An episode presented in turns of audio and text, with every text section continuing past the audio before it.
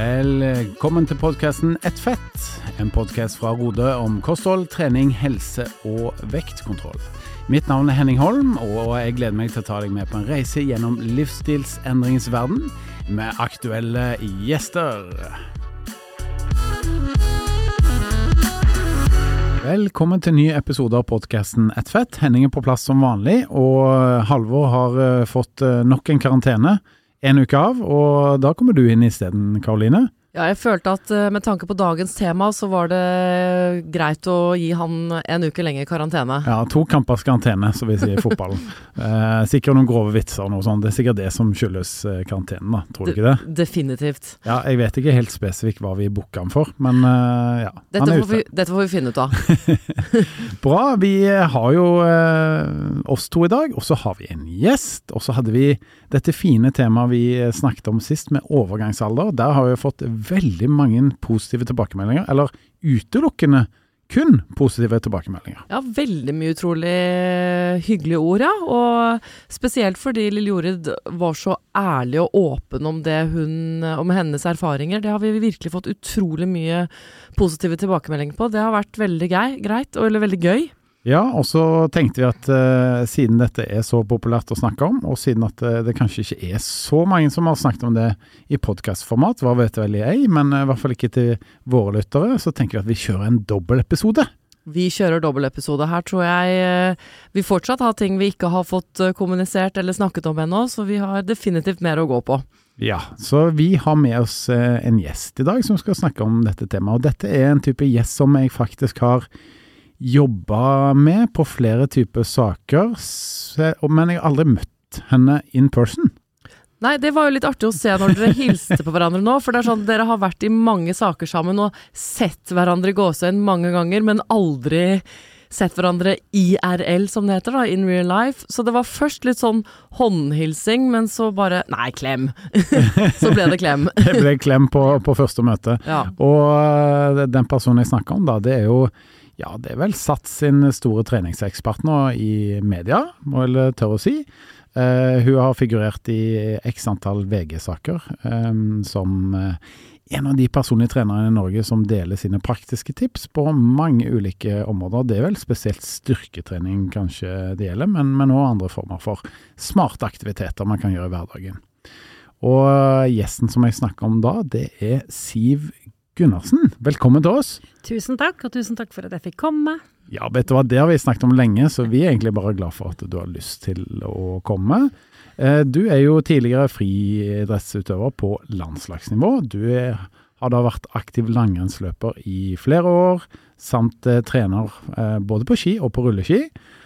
Du har trent gjennom alle livets faser, fra toppidrett til graviditet og overgangsalder. Har trent eh, styrketrening gjennom, eh, gjennom livet, og ekspert i flere medier på både kondisjon, styrke og helse. Det, du har gjort mye spennende her. Ja, jeg har det, og det har vært veldig gøy å, å følge meg selv, holdt jeg på å si, denne reisen her. Gjennom, eh, som du sier da, eh, toppidrett og så mosjonist. Og eh, tre graviditeter, og trent gjennom de. Og så kommet til overgangsalder. Eh, og den siste biten har jeg jo da hatt mer treningskunnskap rundt, fordi jeg omskolerte meg til PT da jeg var utover 50 år. Og jeg kom jo da i overgangsalder rett etterpå. Ikke sant. Og det danner grunnlaget for dagens tema. Ja. Men før vi kommer så langt, så må vi jo, eh, vi må skvaldre litt. Ja, jeg må jo, siden jeg har tatt av stolen til Halvor, som er over snittet, langt over snittet interessert i sport, Ja. så må jeg jo spørre om hva er det du har drevet innen friidrett? Ja. Eh, 100 meter hekk og lengde var Ah. jeg eh, på landslaget i, og min beste plassering, vil du vite det nå kanskje? Selvfølgelig. Det er femteplass i EM i lengde. Oi, gratulerer. Det er jo Wow. fantastisk. Det er noen år siden, men jeg ser jo veldig mange fordeler ved at jeg har drevet med det både privat og i jobb. Ikke sant. Kult. Kjempekult. Men hva trener du nå, da? Altså, hvordan ser en treningsuke ut eh, for deg? jeg tenker at du tror jeg trener hver dag, men det stemmer ikke. Ja, jeg trodde det. Ja. Åssen visste du det? Skulle trodd vi hadde møtt hverandre før, og det har vi jo ikke. Nei, det har vi jo ikke. Eh, jeg er jo veldig opptatt av å holde meg i form, men jeg er veldig opptatt av å ha en balanse mellom trening og restitusjon og hvile og søvn og kosthold. Derfor så eh, passer det ikke så godt for meg og min kropp lenger å trene hver dag. Da blir jeg enten sliten eller skadet eller noe sånt. Så jeg trener to styrkeøkter i uken og to utholdenhetsuker, eh, unnskyld, økter i uken, sånn i snitt. Eh, når snøen kommer, så elsker jo jeg å gå langrenn, så da blir det litt mer. Du, det har jeg sett på Instagram. Ja. så da kan det fort bli at jeg går en tre-fire langrennsøkter i, i uken, men det kan det også skje at jeg trener litt mindre styrke, for jeg føler jeg får ganske mye styrke ut av langrenn. Mm. Mm. Absolutt. Nei, men det høres bra ut. Hva med deg, Karoline? Hvordan går treningen nå for tiden? Den går uh, som vanlig. Jeg er jo litt mer at jeg prøver å presse inn noe hver eneste dag, for jeg, da blir jeg glad, og Ja. det gjør at min kropp og min syke fungerer. Men det trenger ikke å være så mye. Men uh, en god blanding av kondisjonsøkter og styrkeøkter, og jeg jeg, jeg, her om dagen så var eh, noen av barna mine Eller noen, det høres ut som jeg har veldig mange barn, jeg har ikke veldig mange barn, men et par Hvor mange har du? Ja, tre. Men noen av de var og så på eh, damelandslaget sp eh, spille fotballkamp på Ullevål. Og da løp jeg på Sognsvann imens. Og da var det en av våre veiledere som kommenterte på min treningslogg, da. Smutthulltrening, spørsmålstegn, spørsmålstegn. Og det, det er jeg blitt ganske flink til. Ja. Eh, som man jo må når man har tre barn. Jeg finner de smutthullene man har. Så jeg, eh, jeg driver med det jeg alltid driver med, og jeg er jo da også som Siv jeg, jeg er nok ikke så god i langrenn som Siv, men jeg er veldig glad i det og syns det er gøy å gå noen skirenn, så jeg gleder meg nå når det begynner å gå litt mer sånn mer og mer mot høsten og det ikke er så topp, så gleder jeg meg til snøen kommer. Ja, for at jeg satt og så på sportsnyhetene her eh, en kveld, og så var det en sånn reportasje med Johannes Høsflot eh, eh, Klæbo. Mm. Så tenkte jeg åh, så heldig han er som har idretten sin å glede seg til nå når vi går mot den mørke tiden. Mm. Så det å ha en idrett og liksom ha en aktivitet du virkelig gleder deg til å sette i gang med, Ja. det er en fordel når vi går mot eh, kaldere tider. Det er en Det er det, virkelig. Mm. Og jeg opplever høsten litt sånn som du kanskje beskriver, og jeg venter på at snøen skal komme. Ja, Ja. sant? Ja. Mens for syklister, sånn som meg i Halvor, så Ja. er det jo liksom åh, det er bare trist. Ja. Ja, ja, Det er lenge ja. til Ja. Ja. Jeg hadde er sånn noen- krampaktig tur i går. Bare så, Oi, tenk hvis dette er siste turen jeg får Ja. før det blir for kjølig. Blir fort det. Mm, ja. Men Henning, jeg eh, har ikke så lyst til å spørre deg om uh, din trening, men jeg har veldig lyst til å spørre deg om, din, om Pepsi Max-inntaket ditt. Vet du hva, det er så morsomt, for hver gang når jeg kommer på et foreldremøte eller hva det nå enn er, og jeg møter folk i samme alder som meg selv, så spør alle om det Pepsi Max-prosjektet. Så det har Du har blitt skapt kjendis på grunn av det. Eh, nei, vet du hva, det går veldig bra. Nå eh, vurderer jeg faktisk å bare fortsette med prosjektet helt frem til jul. Kanskje Oi. ta et glass Pepsi Max på julaften. Oi. Eller kanskje bare drite i det da òg. Mm. Ja. Men Ja. hvorfor har du lyst til å fortsette? Hva er det som Hvorfor får du den motivasjonen? Nei, altså jeg har jo alltid vært en forkjemper for at du, du skal finne din kos, da. Og så skal du gjøre det med god samvittighet. Men jeg har vel innsett at jeg klarer meg fint uten. Eh, Så hvis du skal ha et eller annet du skal kose deg med som kanskje ikke er det beste for helsa, så vil jeg si at lettbrus ikke et så dårlig valg sånn i utgangspunktet. I hvert fall ikke basert på det vi vet akkurat nå, i skrivende stund. Men eh, dersom du klarer det uten, så er det jo bedre. Og jeg føler kroppen min har det bedre på sprudlevann og vanlig vann, rett og slett. Ja, men hvordan da? For jeg skjønner at lommeboka smiler jo kanskje litt av dette her, for Mm. det ble jo mye Pepsi Max Ja. til tider. Men det, Men- det med økonomi er ikke motivasjon Nei. som uh, Nei, men sånn rent Mm. liksom, fysisk, hvordan merker du det på kroppen din at du ikke drikker det? Det er jo det Jeg har nevnt det før òg her på poden, men det at jeg ble ikke så fysen. Altså når, Mm. hvis, jeg er jo Jeg elsker å jobbe, jeg trener, jeg er fotballtrener for ungene og har masse mulige prosjekter. Så dagene går jo ett, da. Så merker jeg ofte at jeg får det der suget på kvelden. liksom, åh, Nå må jeg sette meg i sofaen og så må jeg kose meg med noe. Kjenner dere igjen i det? Ja, Mange snakker iallfall om det. Ja. Og jeg tror at Pepsi Max-drikkingen, den forsterker det suget, da. Det blir ja, enda dette er- sterkere, så det er lettere å spise sunt i sofaen uh, sent på kvelden. Og dette her har vi også snakket tidligere om, og har vært på en måte en av uh, forklaringene til hvorfor det er så mange overvektige i USA. Fordi det har vært et høyt inntak av sant, lettbrus, eh, Cola Light og sånn. Fordi det trigger ting i hjernen din. Den tror det kommer noe søtt, og den tror det kommer noe næring, men så gjør det ikke det. Og da Mm. eh, vil det trigge et, et sånt sug eh, likevel, da, fordi den ikke blir tilfredsstilt. Ikke sant. Og jeg, jeg kjenner veldig på det at eh, jeg, eh, som de aller fleste som gjerne jobber med trening og kosthold og slike ting, jeg har et veldig sånn aktivt forhold til signalene som kroppen min sender meg, da. Mm. Jeg, har ikke ignorert sånne type signaler, så jeg er veldig klar over når det skjer. Og jeg merker at den effekten er betydelig lavere. Så det er en sterk motivasjon for Ja, å så fortsette bra. prosjektet. Lykke til! Jeg gleder meg til å sitte her 1. Januar og spørre hvordan går det. Veldig bra. Nei, Veldig hyggelig at du spør. Ehm, jeg håper jo at andre hører på og tenker liksom ah, jeg har lyst til å prøve å kutte ut, jeg òg. For det, det er jo greit å kutte ut. Både økonomisk, som du sier, men mest av alt liksom for helsas skyld. Ja, og Det jeg syns er gøy med deg, Henning, er at du har jo vært gjennom den der klassiske endringsreisen som mange må gjennom eh, innen kosthold eh, i løpet av livet. Du har vært gjennom den begynnerfasen hvor det var vanskelig. Du har vært gjennom fasen hvor du, du glemte deg. Du tok jo en Pepsi Max en gang Mm. eller to, for du bare glemte at du ikke skulle drikke det. Ja. Men hvordan du likevel klarer å holde tak i det og fortsette gjennom den reisen. Og nå vil du plutselig forlenge den i mange måneder. Dette var jo først bare snakk om noen uker. Det er kjempebra. Det rører mitt ernæringsfysiologhjerte. Det er ingenting som er kjekkere enn å gjøre ernæringsfysiologen stolt, altså. Det, ja. Hva med deg, drikker du lettbrus, Siv? Eh, nei, veldig sjelden. Kanskje en Mm. gang i måneden eller sånn. Mm. Eh, ikke noe spesielt glad i det, faktisk. Jeg syns, faktisk vann er, er godt, jeg. Som både tørstedrikke og faktisk Og når jeg setter meg ned i sofaen som du snakker om. Jeg kan ta en kopp te og, og vann. Det, Mm. Og det er ikke noe sånn Altså, det er jo et bevisst valg, det er det jo, men det er ikke sånn at jeg fyser etter noe annet, da. Jeg syns det er bra, liksom. Ja. Ja. Herlig.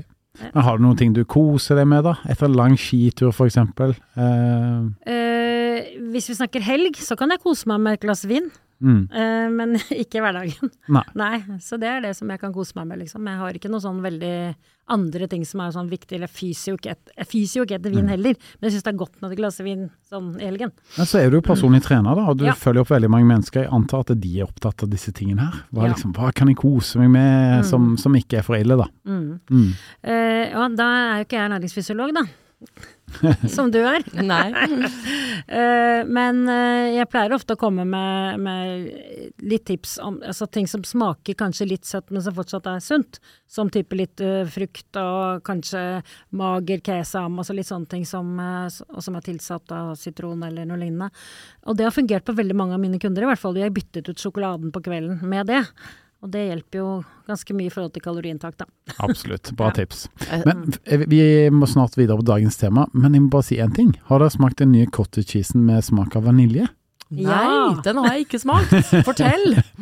Den er kjempegod! Ja, den Oi. er kjempegod. Ja, det må vi si. Så det er et godt tips. Ja, Det var godt Ja, tips. men det er et godt tips. Ja. Mm. Skulle tro du var sponsa, det er vi absolutt Ikke. Nei. Men vi skal videre til dagens tema, som er aktivitet og trening i overgangsalder, hvor vi har med oss en skikkelig ekspert på temaet. Så heng med etter den lille straksen her.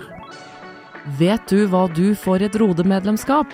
Du får tilgang til Rodes Ned i vekt-app, der du har full oversikt over det du spiser og det du trener, i tillegg til over 1500 oppskrifter. Du får personlig oppfølging av din veileder, og du får masse faglig påfyll hver eneste uke.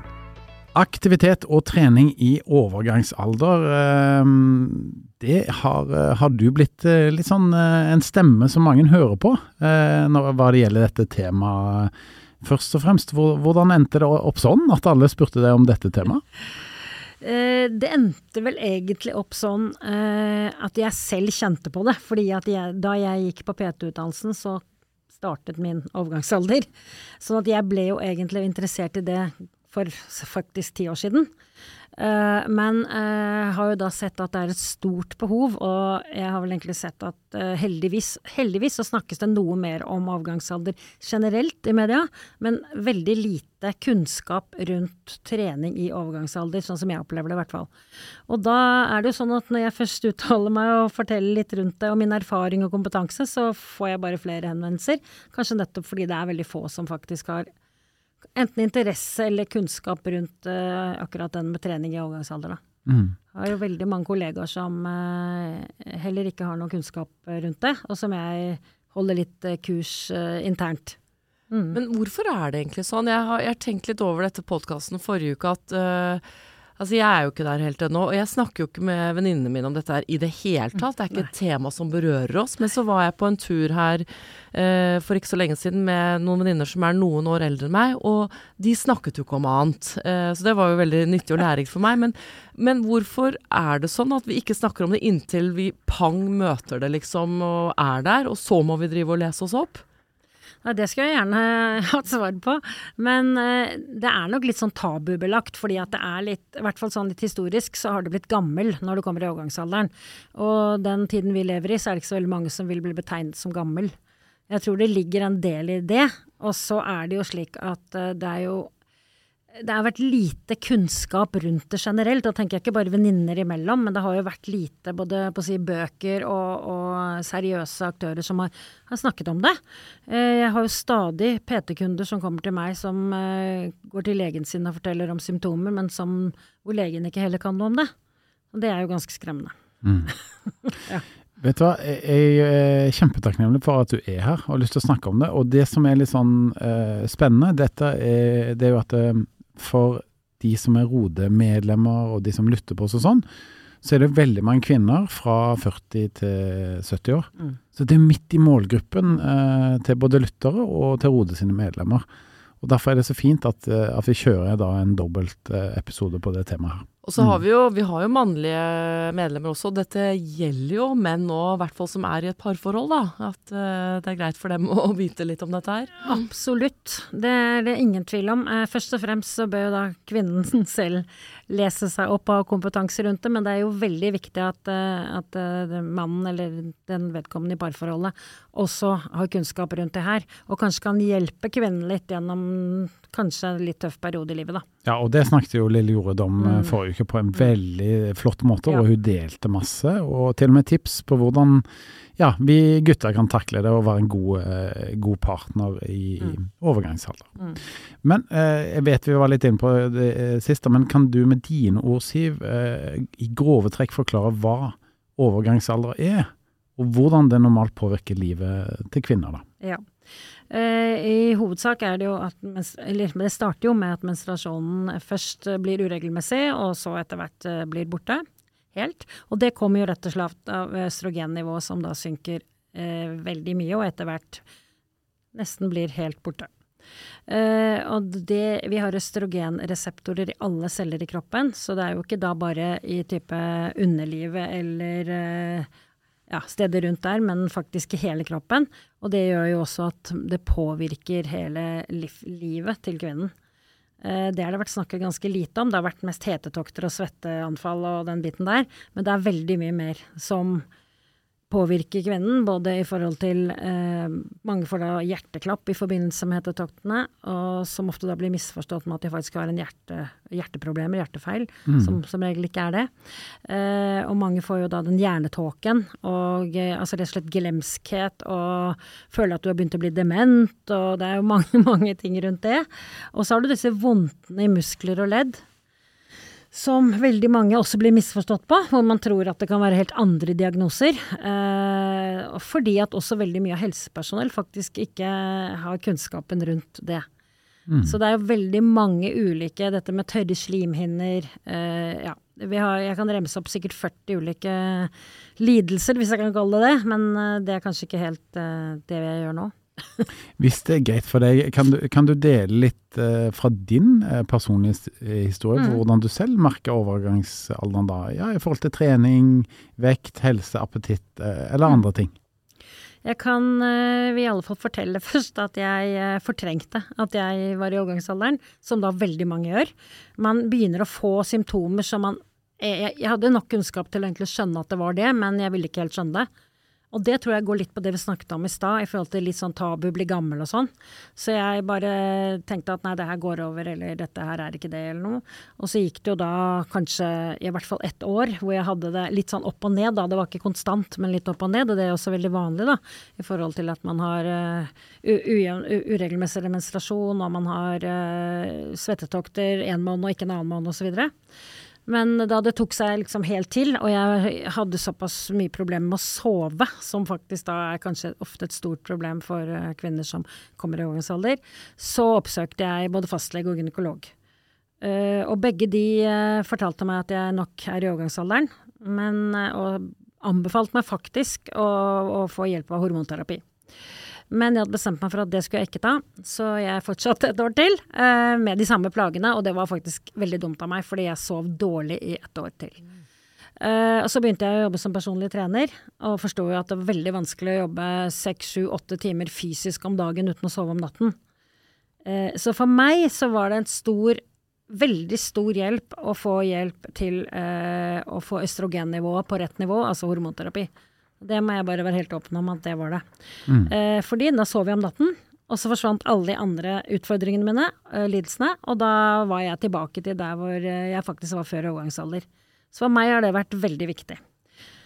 Det har jeg lyst til å understreke, og jeg sier ikke at det er det for alle, men jeg sier at hvis alle kvinner, gjerne før overgangsalder, leser seg opp på hvilke muligheter som er av hjelp, så, så kan man selv velge da, om man ønsker å få hjelp med hormonterapi. Det er det vel som alle andre ting i livet. Ja. Altså, du Ja. er bedre forberedt hvis du faktisk gjør en innsats eh, på forhånd, ikke sant? Ja, og vi snakket jo forrige podkast mye om ikke sant, kosthold i forbindelse med Mm. overgangsalderen, trening, styrke, kondisjon, men ja, helt enig, i noen tilfeller så må det jo mer til, og da er det jo viktig at man tar turen til fastlegen sin og, og får den hjelpen man uh, trenger og kan få. Men det med hormonterapi var litt spennende, da, for det temaet var jo ikke inne på sist, ikke sant? Og der ser du når du diskuterer litt av det samme temaet, bare med litt av en kilde, Ja. så er det andre ting som kommer opp. Men jeg var egentlig litt bevisst da, fordi at det er på en måte ikke innenfor vårt uh, kunnskapsområde. Men det er jo da det jeg sier nå, at hvis man sitter der nå og kjenner at ja, men jeg har prøvd alt dette her med å spise sunt og, og Mm. trene alt mulig, og det likevel det har ikke god nok effekt, så bør man ta en tur til fastlegen sin, for det må til. Ja, Faktisk da, i noen tilfeller. Ja, Uh, gjerne lese seg godt opp på forhånd, ikke sant. Uh, før man kanskje til og med går til legen. Mm. For å stille de riktige spørsmålene, vil jeg anbefale. Så ja, jeg er heller ikke jeg, jeg sier det samme som deg, vi er jo ikke helsepersonell, så vi skal jo ikke snakke om det på den måten, men jeg syns det er veldig viktig at eh, kvinnene vet at det finnes hjelp, hvis man virkelig trenger det. Mm. Ja. For jeg, spi, jeg, spiste, jeg spiste som jeg gjorde før, som jeg mener er bra nok for meg. Eh, jeg trente som jeg gjorde før. Jeg gjorde alt egentlig eh, helt eh, på samme måte som før overgangsalder, men det hjalp da ikke nok for meg. Men det vet jeg jo selvfølgelig at det kan være for andre. Men jeg er bare nysgjerrig. Jeg øh, driver jo liksom og noterer meg ting og lærer mye her. Vil du si, eh, for som jeg sa i forrige podkast, så er det på en måte én av fire merker nesten ingenting. Så er det én av fire som får ekstre, ekstreme reaksjoner, og to av fire som er mer sånn moderat. Hvor, hvor på skalaen vil du si at du, du var eller er, tror du? Jeg var på den første fjerde, delen den fjerdedelen som hadde det aller verst, uten ja, tvil. akkurat. Ja, Ja, ja. ja. Ja. Det er jeg helt sikker på. Ja. Og nå har jeg fått såpass mye erfaring rundt uh, kvinner i overgangsalder generelt gjennom jobben min, så jeg mm, forstår jo ganske godt at jeg nok var det òg. Mm. Jeg var, jeg er jo ikke. Uh, men jeg har også forsøkt å gå, å gå av den hormonterapien, da. Som da er østrogen, progesteron og testosteron i riktig dosering for meg. Uh, og da får jeg tilbake alt sammen. Og nå er det ti år. Mm. Så det er også litt viktig i forhold til det som ble sagt i forrige episoden, som, som jeg hørte på. Ja. At eh, det er faktisk mange som har det hele livet. ja, gud, tenk det, ja. Jøss. Mm. Det går, det går, altså på en måte så går det jo heller ikke over, for østrogenet har jo, østrogennivået synker og synker og synker. Det går aldri, kommer aldri tilbake. Så da er det noen som reagerer sterkere på at det er så lavt. Og jeg er tydeligvis en av de, da. Hva sier du i forhold til, eh, for det er jo det spørsmålet jeg får mest, da, og vi kanskje, i forhold til vektøkning, da. At eh, å, men jeg har lagt på meg så mange kilo, og Ja. hva sier du da? Jeg tror det er en, en kombinasjon av flere ting, egentlig. Eh, hvis jeg kan snakke om meg selv, eh, så la jeg på meg fem kilo på kort tid. Og det var litt interessant fordi jeg spiste og trente likt. Eh, så da tror jeg det var veldig At jeg ble veldig påvirket av den hormonendringen. For når jeg begynte på, på denne hormonterapien og gjorde egentlig veldig mye av det samme, så gikk jeg ned tre kilo igjen. Så det var meg. Men generelt så er det jo veldig mange kvinner som pga. dårlig søvn ikke orker det aktivitetsnivået som de har hatt tidligere. Eh, Pluss at det å ikke sove gir jo veldig mye stress i kroppen. Og vi vet jo at stresshormon er ikke akkurat positivt i forhold til forbrenning og, og slike ting. Sånn at jeg tror det er en kombinasjon av mye når det gjelder kvinner eh, i overgangsalder. Så tror jeg også at eh, når man ikke føler man har det noe godt med seg selv, så trøstespiser man litt. Ja, og minst så, Mm. ja, og ikke minst så vet vi jo det at altså, søvnmangel gir jo, gjør at man blir mer fysen, og ikke Mm. på et eple, men på usunn mat. Og så er det jo da generelt mer våkentimer. Du Ja. har flere muligheter til å spise enn hvis du sover. Så ja. Ja, men hva tenker du om eh, trening, da? Eh, når man er i den fasen som, som da kan, også kan vare veldig lenge. Og, og eh, hvordan hjelper du dine kunder, da? De som trener med deg. Hvor, yeah. hva, hvordan legger du opp de øktene? Og der vil det alltid være individuelle forskjeller, Mm. det, det skjønner jeg jo. Det kommer jo an på mål til kunden osv. Ja. Men hva kan du si på litt sånn generelt grunnlag? Eh, Jeg opplever jo at, som du egentlig akkurat sa nå, at kvinner som er i overgangsalder er like ulike som kvinner som ikke er i overgangsalder. Men eh, det som jeg ofte opplever er at det er liksom to grupper da, som eh, skiller seg ut. Og det er den ene gruppen som alltid har trent ganske mye. Og som kjenner at kroppen fungerer dårligere nå. Både responsen på trening, og de blir enda mer slitne. Og den gruppen eh, forsøker jeg å gi råd til at få ned intensiteten noe. Tre litt tyngre styrke isteden med litt lengre pauser, og kjenn at du får god effekt av det, istedenfor å måtte ha eh, utholdenhetsstyrke eller liksom den, den, den type styrketrening eller utholdenhetstrening som gir deg veldig mye høy puls ofte eller lenge. Eh, prøv liksom å legge det litt ned. Eh, og så spør jeg selvfølgelig om hvordan de sover og hvordan de har det ellers i livet, som jo er så viktig. Så har du den andre gruppen. Nå blir det to grupper som er litt sånn generalisering, men det, er faktisk veldig mange av de to. Eh, det er de som aldri har trent. Og som kommer til meg og sier vet du hva, nå, nå må jeg trene. Nå, nå er kroppen min Altså, det her går ikke lenger. og, det, og det er faktisk en god del kvinner som gjør. Og da Ja. eh, Da må jeg selvfølgelig gi de eh, råd om hvordan vi da bør starte opp. Og det blir jo ikke så ulikt de som ikke er i overgangsalder som begynner å trene. Mm. Ikke sant? Ja. Eh, bortsett fra at de kanskje også sover dårlig osv. Så, videre. så det er, det er liksom alltid noen sånne hensyn å ta. Men jeg syns jo liksom at det er de to hovedgruppene som jeg gir mest råd til, da. Men da har jeg to oppfølgingsspørsmål. Det første er om de da som begynner å trene, om de opplever at det gjør overgangsalderen noe bedre, altså både Ja. fysisk og psykisk. Ja. Ja, de gjør det. Absolutt. Absolutt. Og det som også en del, en del forskning viser, er jo at eh, styrketrening to ganger i uken, to til tre ganger i uken, kan redusere hetetokter og svettetokter med 50% Og det er kvinner som kjenner på det, pluss at de kjenner at uh, vondter i muskler og ledd og så blir eh, mye, mye, mye bedre. Så Dette er jo veldig spennende, da, for jeg vet jo at en del av lytterne våre er veldig flinke på kostholdet sitt, men kanskje ikke får trent så mye som vi anbefaler. Så det, Mm, mm, dette er kult å høre, det må Ja. jeg si. Ja, i hvert fall at det ikke er nødvendigvis så mye som skal til heller, da, Nei. men bare bitte litt. Og det Mm. vet vi jo med andre ting som beinskjørhet og sånne ting som kan begynne i den alderen her òg, ikke sant. Absolutt. Men hva med de som på en måte, som du snakket om også, som er veldig aktive, da, og som du selv sier, da, må på en måte bli flinkere og lytte til kroppen og trappe ned. Hvordan, eh, hvordan er det? Jeg tror, eh, jeg tror ikke det er så lett for de fleste. Men eh, når de først kommer til meg for å be om råd, og jeg har PT-time med de, så kan jeg på en måte være med på å styre det ganske mye. Men eh, jeg opplever jo at de kjenner på kroppen at dette er jo bedre for meg. Mm. Ja. Og så kan det hende det bare er en fase. Fordi det er, jo, det er jo mange som da bare har denne overgangsalderen i litt kortere tid også. Og så kan det også hende at det er noe å vende kroppen til. Sånn at eh, jeg opplever jo det at eh, det går veldig mye bedre med de kvinnene som har trent for mye, når de trener litt mindre. Eh, dette er jo litt sånn PT-spørsmål, da, men, men eh, Og nok en gang litt sånn disclaimer før jeg stiller spørsmålet, for jeg vet jo det selv, jeg har vært PT i veldig mange år, at folk er forskjellige. Men er det, er det noen sånne type styrkeøvelser som du ser at eh, kvinner da, er- som har liksom denne her fasen, er, noe som er favorittene? Litt kommersielt spørsmål. nei, nei, men, nei, men det som, er, det som ofte eh, er det kvinnene selv ber om, Mm. Det er jo da å uh, trene mage, rygg, altså core-muskulatur. Og det er jo fordi at veldig mange har lagt på seg på magen, og så tenker de at trening kan hjelpe. Bra svar. uh, og det uh, forteller jeg det jo at punktslanking fungerer jo ikke. Men trener vi litt større muskelgrupper, så, for, så vil du jo da forbrenne mer. Og så må jeg selvfølgelig snakke litt om tips til kosthold òg. Men jeg er veldig opptatt av at de trener de større muskelgruppene. At de blir sterkere i, i, i bein, rygg, bryst. eh, de store muskelgruppene. Eh, og de tror jo på meg da sånn etter hvert, når de ser, ser at det kan fungere.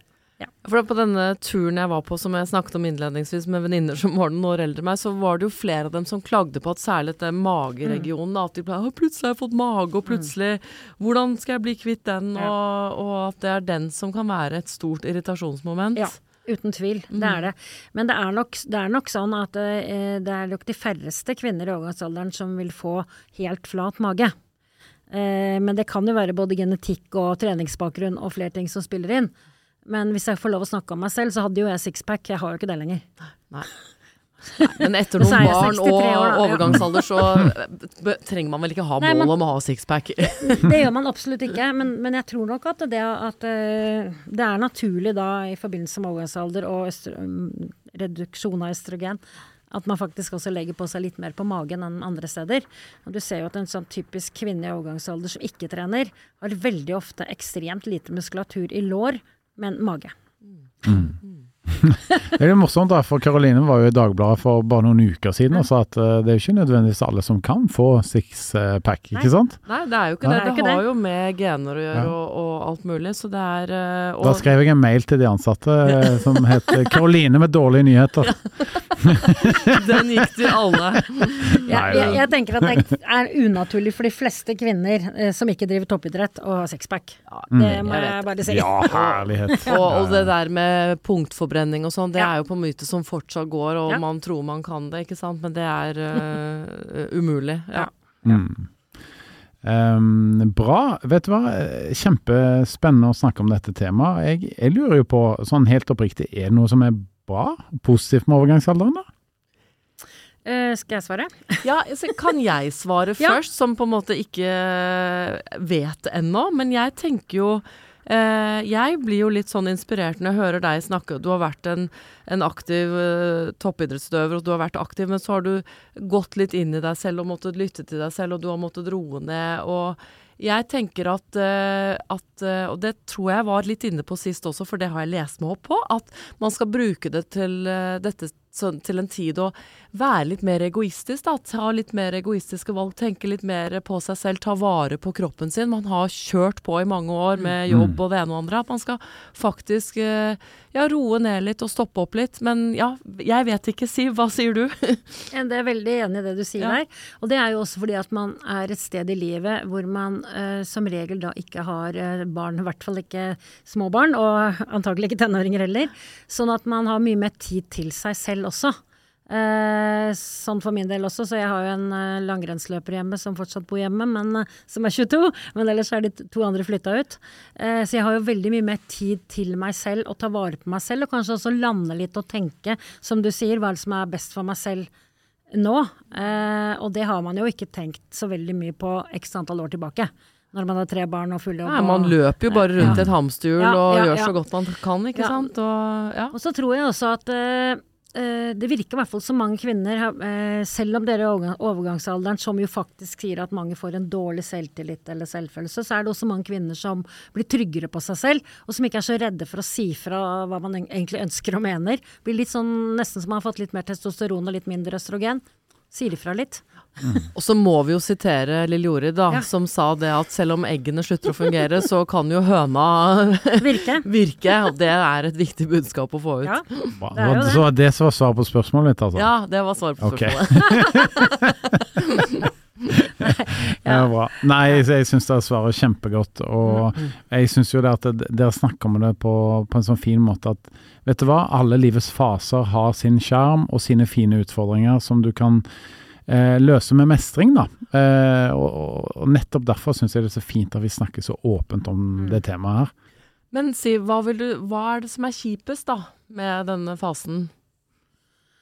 Eh, Det, det er jo alle de eh, symptomene som Mm, eh, mm. man kan ramse opp, da. Mm, mm. Eh, fordi at det- går jo utover livskvaliteten. Mm. Eh, og det er jo nettopp derfor jeg valgte å få hjelp, eh, Mm. som gjorde at etter 14 dager så jeg, hadde jeg ingen lenger. Altså jeg lever et helt fantastisk liv, jeg. Jeg har eh, absolutt ingen symptomer. Så det er jo det som er det slitsomme. At, altså, når man ikke får sove om natten, så det går det utover veldig, veldig mye, ikke sant. Ja. Og dette er med alle de som eh, faktisk mister litt den der troen på seg selv. De, jeg tror mye kommer av, av søvn, mangel på søvn, men selvfølgelig også at eh, det blir et, eh, en ubalanse i, hormon, i hormonene. Men de, det er jo faktisk flere kvinner som har langtidssykemelding pga. overgangsalder, og det syns jeg er ganske drøyt, altså. Mm. Men eh, eh, nå er det sånn at eh, veldig mange av de som lytter på oss, de har jo, er jo enten da brukere av Ned i vekt-appen vår, eller så går de eh, på kurs eller tar medlemskap med en rodeveileder. Men la oss se for oss noen her tenker nå, vet du hva, eh, jeg bor jo på Østlandet, eller jeg bor i Oslo. og hadde det nok vært kult å, å tatt noen eh, timer med, med Siv, da. Eh, spesielt eh, for de som da kanskje lytter på med, som, som har overgangsalder som er aktuelt i livet deres. Eh, la oss si at en av de kommer til deg.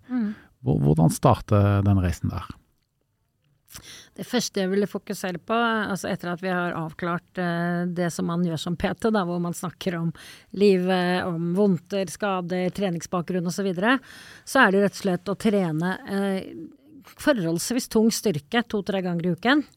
Eh, for å, fordi det er så positivt for en kvinne i overgangsalder. Ikke sant? Både i forhold til det vi snakket om, at man kan faktisk halvere hetetokter og svetteanfallene. Det forebygger osteoporose. Eh, vi trenger faktisk den muskulaturen for å kunne fungere normalt framover. Så det å trene, det er det jeg vil anbefale. Tren styrke, fokuser på det. Det er viktig med kondisjonstrening for, for hjerte og lunge også, men akkurat når du er i den fasen som du er nå, så ville jeg fokusert på det. Mm. Og så er det vel sånn at eh, Jeg vet jo svaret på dette, her, men, men Ja. trenger, trenger folk å være i veldig god form for å komme til deg? Nei, absolutt ikke. Mm. Det, og det er veldig, veldig viktig eller bra spørsmål, fordi folk tror jo, mange tror, at man må trene for å begynne å trene. Man må trene først for å begynne å trene med Jeg ler, PT. jeg, for jeg hørte så mange ganger som PT selv. Ja, jeg kommer hen, jeg skal bare trene meg litt opp Ja. først. Nei, start med heller med PT, fordi da begynner du på riktig nivå, og da får du de riktige treningsøvelsene i forhold til det du behøver. Mm. Ja. Men jeg må jo også slå et slag for dette her dere sier om styrketrening, for jeg har jo selv alltid vært litt mer glad i kondisjon, og så Mm. kom det jo for en dag her at jeg ikke klarte en eneste pullup, som mange av våre lytterne vet. Nei, jeg spurte jo har, har du et sånt tøft mål, så sa jeg ja, jeg har jo sysler med en ting da som jeg ikke får helt til. Ja. Og det er jo ikke vanlig for deg. Du pleier jo å få til det meste du setter deg mål om, iallfall.